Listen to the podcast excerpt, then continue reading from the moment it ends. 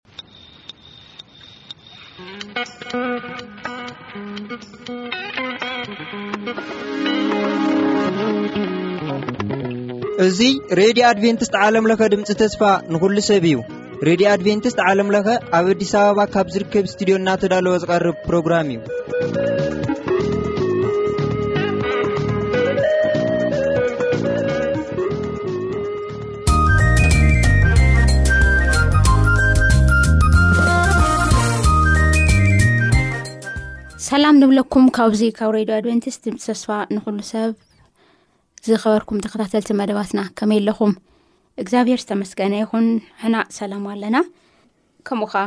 ሎሚ እግዚኣብሄር ከዓ ዕድልን ሓይልን ሂቡና ከዓ ኣብ ቅድሚኩም ክንከውን ናብ ስቲዶ መፂና ኢና ዘለና ኣነ ኣለኹ ከምኡ ውን ሓውና ኣማን ሓቢርና ኢና ዘለና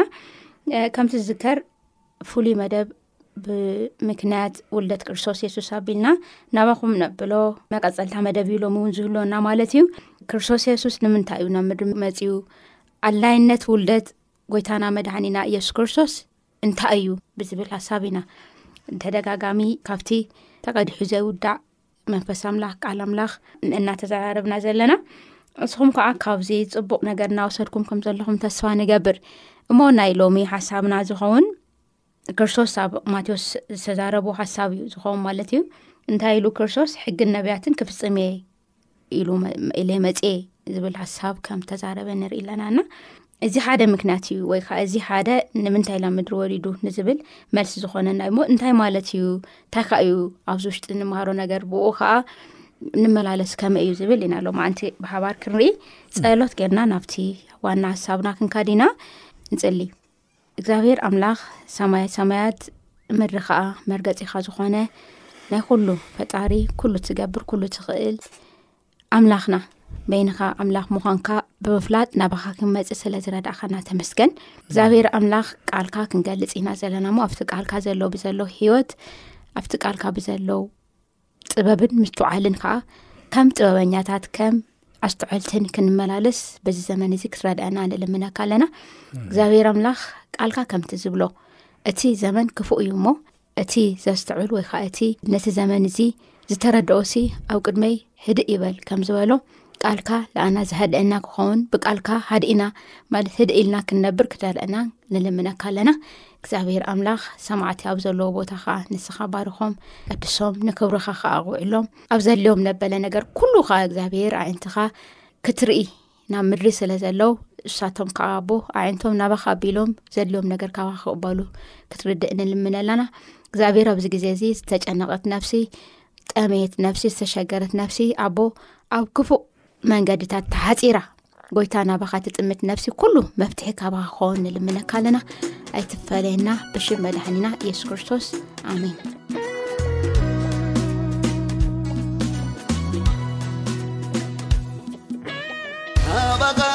ናበይክኸይደ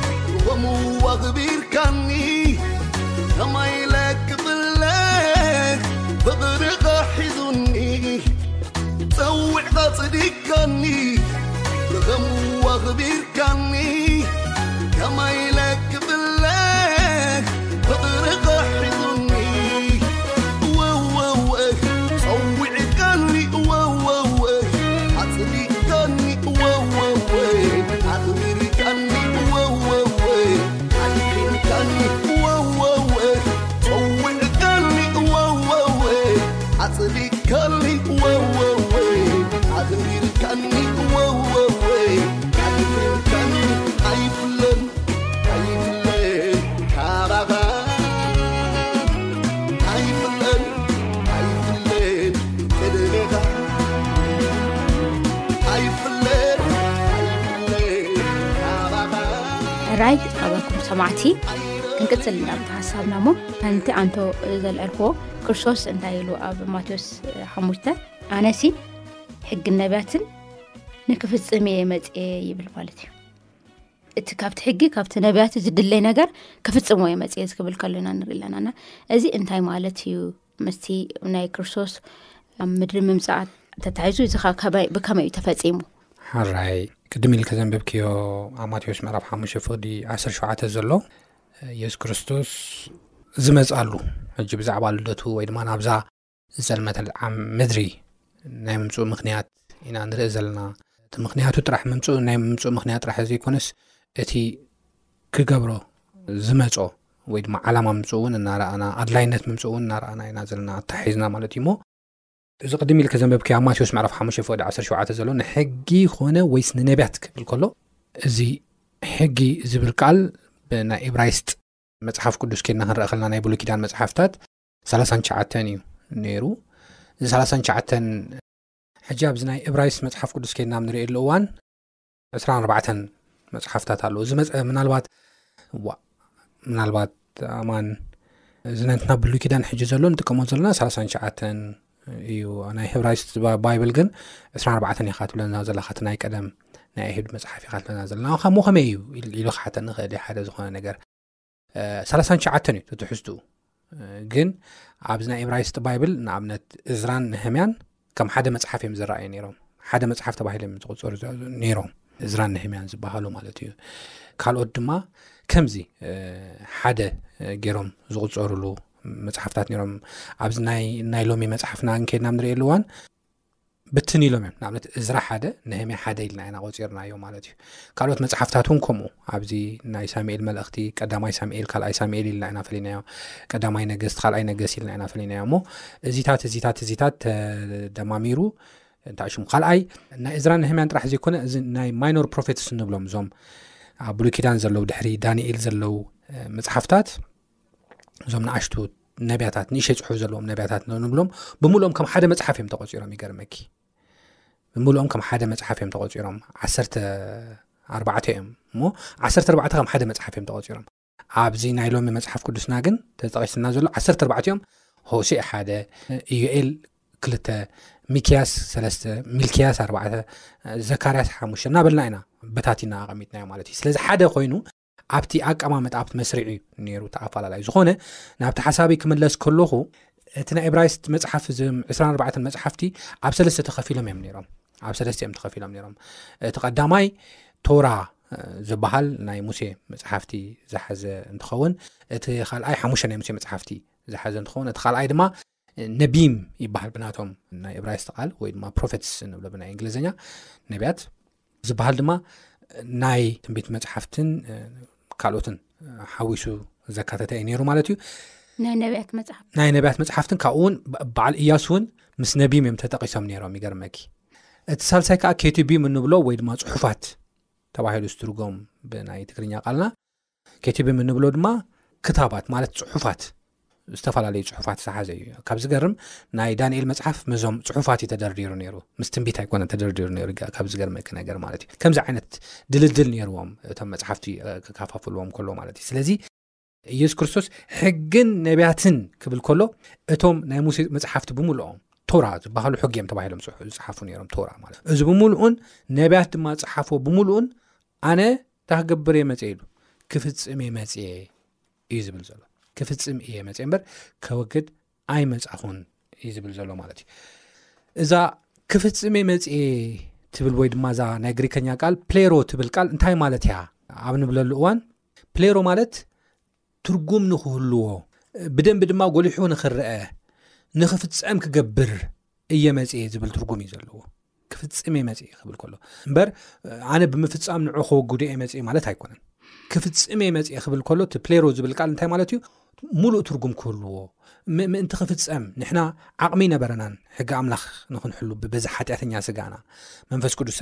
ተደረድእና ከቢድ እዩ ግን ምእንቲ ክፍፀም እየ መፅ ሓይሊ ኣልቢሰስ በቲ ሕጊ ንኸክዶም እየ መፅ ዝብል ትርጉም እዩ ዘሎ ክፍፅም እየ መፅ ዝብል ማለት እዩ ስለዚ የሱስ ክርስቶስ ናይ የሱስ ክርስቶስ ምምፃእ ናብዚ ዓለም እቲ ሕጊ ብደንቢ ንክሕሎ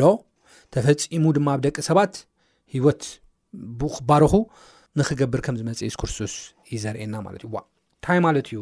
እዚ ካልእ መረጋገፂ ተሃልይዎ ሃበና ንዝብለኒ ኣብ ሮሜ ምዕራፍ ሸሞንተ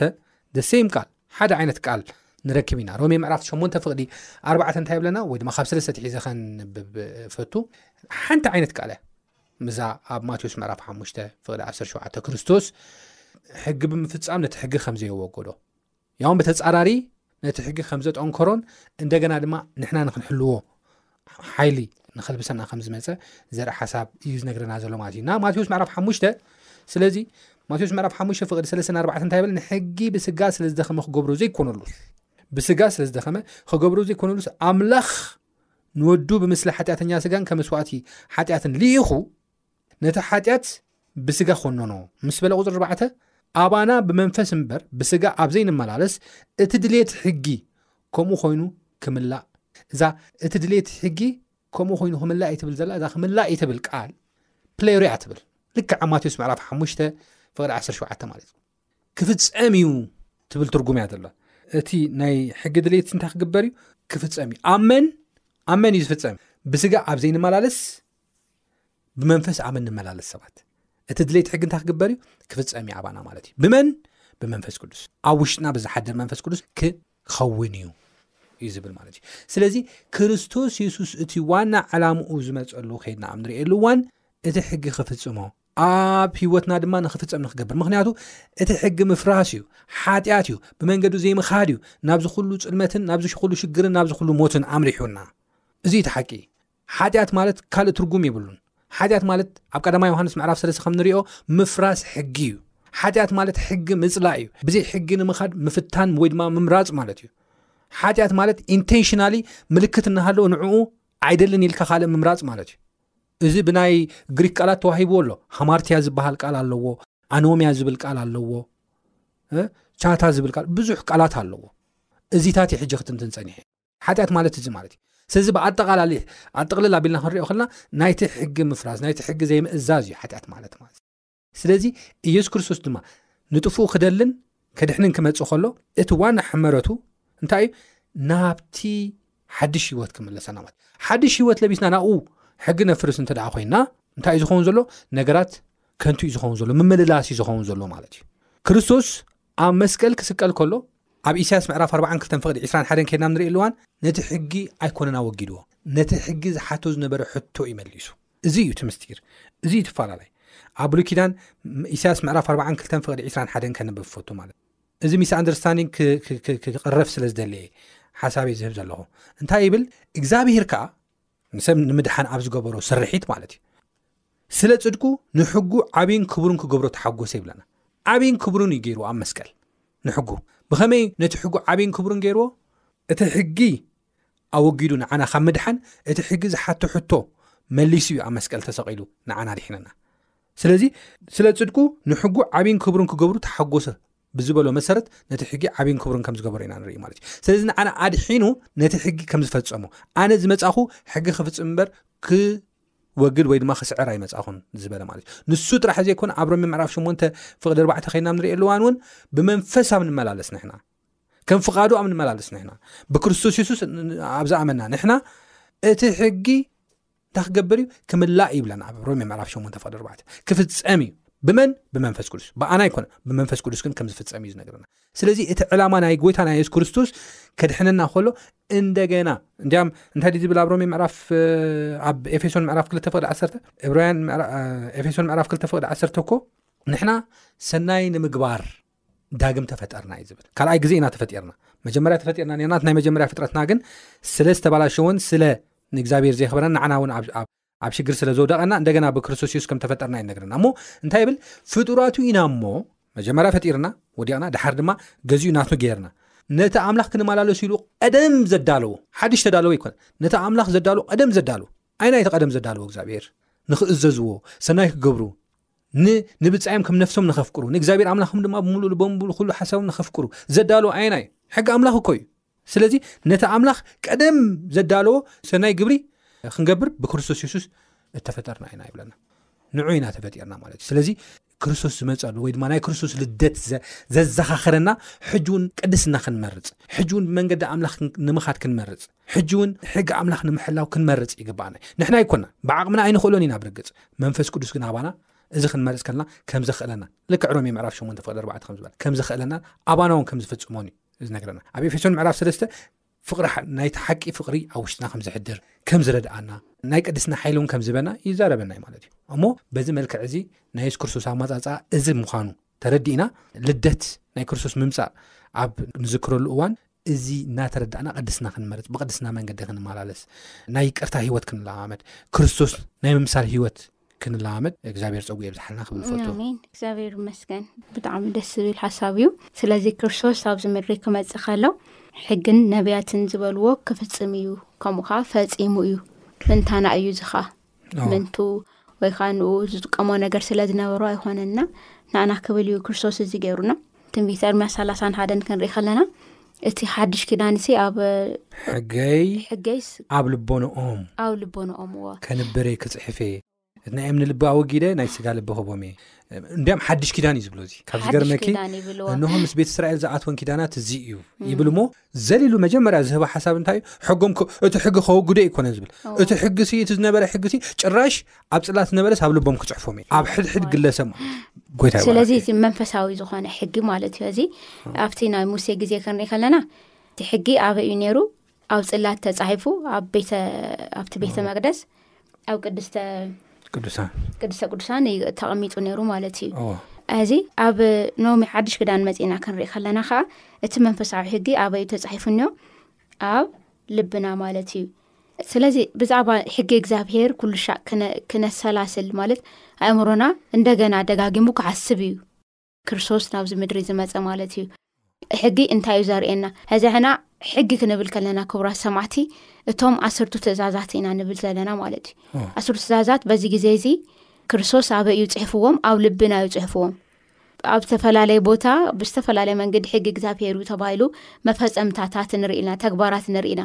ግን እሱ ኣይኮነን እግዚኣብሔር ሓጢኣት ከርሕቕ በደል ከርሕቕ ኣንጺሁ ንኣና ከብለና ኣበዩ ጽሒፉልና ኣብ መንፈስና ወይ ከዓ ኣብ ውሽጢ ልብና ከም ዝፀሓፈ ኢና ንርኢ ማለት እዩ ኣብ ሮሜ ክንርኢ ከለና እንታይ ይብል እቲ ሕጊ ከምቲ ዝሓለፈ ንርኢ ፀኒሕና ኣብ ዝኾነ ሃሳብና መሰረት ኪዳን እኮ ይዎዶ እግዚኣብሄር ምስ ወዲ ሰብ ዝገበሮ ኪዳን እዩ እቲ ሕጊ ማለት እዩ እና እዚ ሕጊ ኪዳን እዚ መሰረት ኪዳን ሕጊ እዚ ከዓ ክርስቶስ ኣብ ምድሪ ክመፅ ከሎ እንታይ ገይርዎ ኣፅንዕዎ ማለት ሓማሓተም ገይሩሉ ነቲ ኪዳን ማለት እዩ ኪዳነይ ፅኑዑ እዩ ምድሪ ሰማይ ክስረት ከለዉ ዝጀመረ ኪዳን ናይ እግዚኣብሄር ኪዳን ዝቕፅል እዩ ኣብ ዝኾነ ቦታ ዝብተካ ኣይኮነን ኣብ ዝኾነ ቦታ ዝጠሓስ ኣይኮነን ስለዚ እዚ እዩ ዝነግረና እቲ እንትን ማለት እዩ እቲ ሕጊ ከዓ በዓሉታ እዩ ኣብ ልብናን ኣእምሮናን ዝተፃሓፈ ናይ እግዚኣብሄር ስርዓት ማለት እዩ ጳውሎስ እንታይ ይብል እንታይ ደኣ ክንብል ኢና ይብል ኣብ ሮሜ ሸተ ክንርኢ ከለና ሸተ ፍቅዲ ሸ እንታይ ይብል እንታይ ደኣ ክንብል ኢና እቲ ሕጊ ዶ ሓጢኣት እዩ ያ ኣይፋሉን ይብል ማለት እዩ ሕጊ እንታይ ይኮነን ሓጢኣት ኣይኮነን ብዘይ ሕጊ ግና ሓጢኣት ኣየመፈለጥክዎን ነይረ ይብል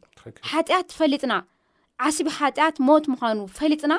ናብ ካዋሊ ዝኾነ ናብ ክርስቶስ ንኸደሉ መንገዲ ዋን ወሳኒ መን እዩ ሕጊ እዩ ማለት እዩ እዚ ሕጊ እዚ ኣይተጣሓሰን ዝኸበርኩም ሰማት ሕጊ እግዚኣብሄር እንታይ ይብል ሕጊ እግዚኣብሄር ብከመይ እዩ ተፃሒፉ እግዚኣብሄር ቀዳማይ ካልኣይ ሳልሳይ ሉ እስኪ ዓስራ ዩ ዘን ሕግታት ንምንታይ ይኣሚጥወን ንምንታይ ካይ ሎሚ ኣድለይቲ ዝኾኑ እግዚኣብሄር ዚ ሽመይ ብከንቶ ይተልዕል ይብል ወዶ ክንደይ ሻዓይና ና ሽም እግዚኣብሄር ብዘይግቡእ ነልዕል ንውዕል ማለት እዩ እግዚኣብሄር ብዘይ ብኣይ ካሊእ ኣምላኽ ኣማልክቲ ኣብ ቅድሜካ ኣይሃሉ ይብል ክንደይ ኣማልክቲ እዮም ኒኦምና ነምልኾም ከውፁና እዮም ከድሕኑና እዮም ቅድሚት ካሰጉሙና እዮምና ኣብ ልብና ዝሓዝናዮም ክንደይ ኣማልክቲ እዮም ኒው እግዚኣብሄር ስእልን ምስልን ንኣይ ካባይ ኣርሕቕ ይብል ስእልን ምስልን ዝተፈላለየ ስእልታት ገርና ዝተፈላለዩ ኣማልክቲ ገርና ናብ ዝተፈላለዩ እግዚኣብሄር ሓደ እዩ እግዚኣብሔር በይኑ ሓደ እዩ ግን ዝተፈላለዩ ምስልታት ገርና ንኦም ናኣምላኽ ኣቅርበና ላልና ንውዕል ሰባት ክንደይና ስለዚ እግዚኣብሔር ጎይታና መድሓኒና ኢየሱስ ክርስቶስ ናብ ምድሪ ክመፅእ ከሎ ሕግን ነብያትን ክፍፅም እዚ ክበሃል ከሎ እንታይ ማለት እዩ ሕግን ነብያትን ብዛዕባ መን እዮም ዘውርዩ ብዛዕባ ክርስቶስ ኮእዮም ብዛዕባ ክርስቶስ እዮም ዘውርዩ ብዛዕባ ስርዓቱ እዮም ብዛዕባ ሕጉ እዮም ብዛዕባ መንገዱ እዮም ስለዚ ክርስቶስ ኣብ መንጎና ማለት እዩ ክርስቶስ መንጎኛና ማለት እዩ ካሊእ ኣየድልን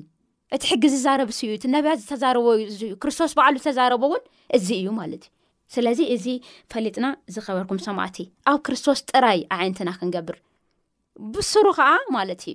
እግዚኣብሄር ጥራይ ክንብል ለክእለና ነገር ኣብዚ ግዜ እዚ እግዚኣብሄር በይኑ እዩ ኣብ ጥቓና ክኸውን ዝኽእል ማለት እዩ እግዚኣብሄር በይኑ እዩ ኣብ ኩሉ ቦታ ክርከብን ክረዳእናን ክሕግዘናን ክመርሐናን ዝኽእል ስለዚ እዚ ሕጊ እዚ ናይ እግዚኣብሄር ሕጊ ጥንቲ ቀደም ነይሩ እዩ ሕዚ እውን ክነብር እዩ ንዘለኣለም እውን ክቅፅል እዩ ሓንቲ የቁጣዕ ማለት ሓንቲ ሓንቲ ነጥቢ ኳስ ካብ ሕገይሲ ሰማይ ምድሪ ክሓልፍ እዩ ኢሉ ሕገ ግን እንታይ ከውን ኣይሓልፍን እዩ ዝብል ስለዚ ሕጊ እግዚኣብሄር እዚ ክንብል ከለና ግን ሕጊ ፈፂምና መድሃን ረኪብና ኢልና ኣይኮናን ግን ስለዝድሃና ነቲ ክርስቶስ ዝፈፀሙ ሕጊ ክንፍፅም ካባና ይህልኦ እዩ እዚ ክንገብር እዩ ሎሚ ሓሳብ ዝተዋህበና ስለዚ በዚ ክንመላለስ በዚ ክንነብር እዩ ኣብ መዝሙር 1ሸ ቁፅሪ ሸተ እንታይ ይብል እሱ ኣንቢብና ናብ መወዳእታ ክንመፅና እሞ መዝሙር 1ሸ እንታይ ይብል ቆፅፍቅዲ ሸተ ሕጊ እግዚኣብሄር እንታይ እዩ ፍፁም እዩ ንነፍሲ ይመልሳ ምስክር እግዚኣብሄር ከዓ እሙን እዩ ንገርሂ ጥበበኛ ይገብሮ ያፅብቦ እዩ ልብል ስለዚ እዚ ነፍስና ዝምልስ ሕጊ እዚ ጥበበኛ ዝገብረና እሙን ዝገብረና ሕጊ እዩ ክርስቶስ ዝፈፀሞ ማለት እዩ እዚ ኸ ኣብ ልብናን ኣብ ኣእምሮናን ኣብ መንፈስናን ምሳና ንክኸውን እሞ ካብ ሓጢኣት ክንርሕቕ እዩ ካልእ ምንም ኣይኮነን ስለዚ እዚ እዩ ሎሚ ፃውዒትና ናባኹም ነብል እሞ ሕጊ እግዚኣብሄር ስርዓት እግዚኣብሄር መንገዲ እግዚኣብሄር ክንዝክሮ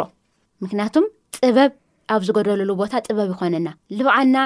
ሴፍ ይገብረና ማለት ይክውለና ማለት እዩ ካብ ብዙሕ ነገር ካብ ሓጢኣት ካብ ሞት መንገዲ እሞ ናብዚ ሕጊ እዚ ኣዒንትና ክንገብር ክንፍፅም ክንክእል እግዚኣብሔር ፀጉ ኣብዝሐልና ዝኸበርኩም ሰማዕቲ ናይ ሎሚ ሓሳብና እዚ እዩ ምናልባት ሕቶ